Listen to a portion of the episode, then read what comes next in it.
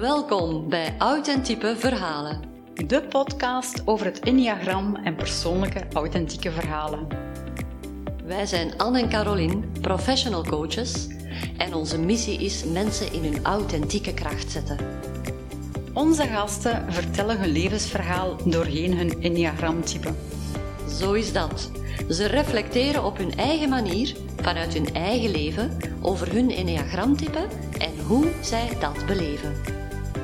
We praten over de patronen in hun gedachten, gevoelens en gedrag. Het gaat over bewustwording, over kwetsbaarheid en spiritualiteit. Het zijn body, mind en soul gesprekken.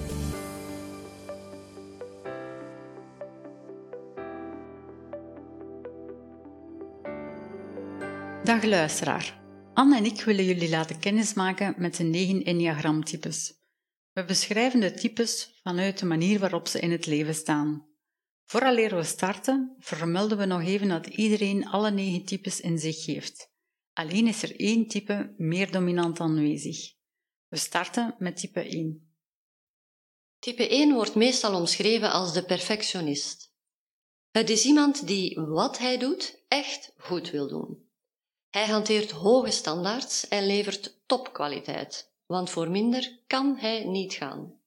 De types 1 die ik ken, hebben ook allemaal een zelfbeheerste uitstraling en zijn gedisciplineerd. En ze zijn voortdurend in de weer. Ik hoor het zo nog een klant zeggen die een type 1 is. Doen, doen, doen. Er is nog zoveel te doen. Na het werk, het huishouden, het huiswerken met zo'n lief, de was, de strijk. Het zijn doeners.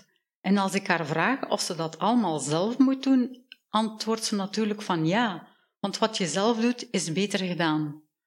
Ontspanning, eens op het gemak in de zetel zitten, dat kan ze niet. Want je kunt toch niet niets doen? De gedachte van het type 1 gaat vooral uit naar alles wat nog niet gedaan is of wat nog verbeterd kan worden. Ja, want daarover gaat het bij type 1, de drang om dingen te verbeteren. Type 1 wil een goed mens zijn en een betere wereld creëren. Hij wordt ook wel de wereldverbeteraar genoemd.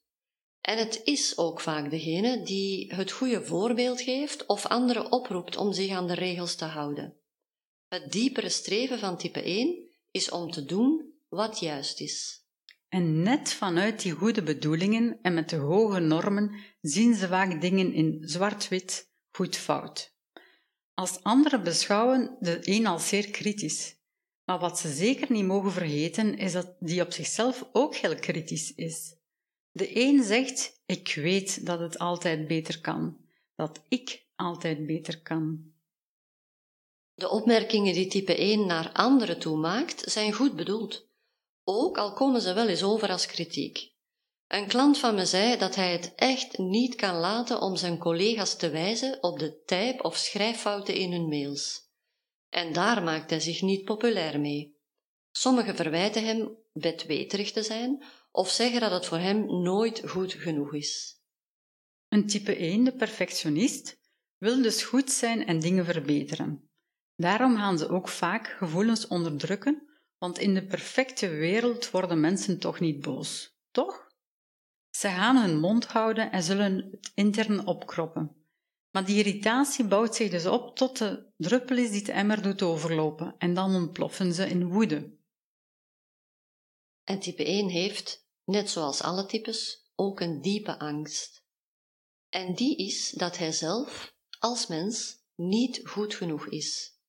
Dat verklaart natuurlijk veel. Ook waarom type 1 echt niet van kritiek houdt. Mijn klant kan er nachtenlang van wakker liggen.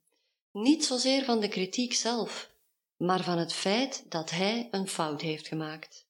Dat raakt hem tot in zijn kern. Er is natuurlijk nog zoveel meer te ontdekken van dit type. Luister zeker mee naar de authentieke verhalen van onze gasten. Wat we nu onthouden, is dat types 1 in één oogopslag zien wat er verbeterd kan worden, dat ze erg goed zijn in het organiseren en structureren, dat ze betrouwbaar zijn en zich verantwoordelijk voelen, dat ze van de wereld een betere plek willen maken. Wil je meer weten over het Enneagram en het verhaal van onze gasten? Luister naar al onze afleveringen en volg ons op Instagram via authentiepe verhalen.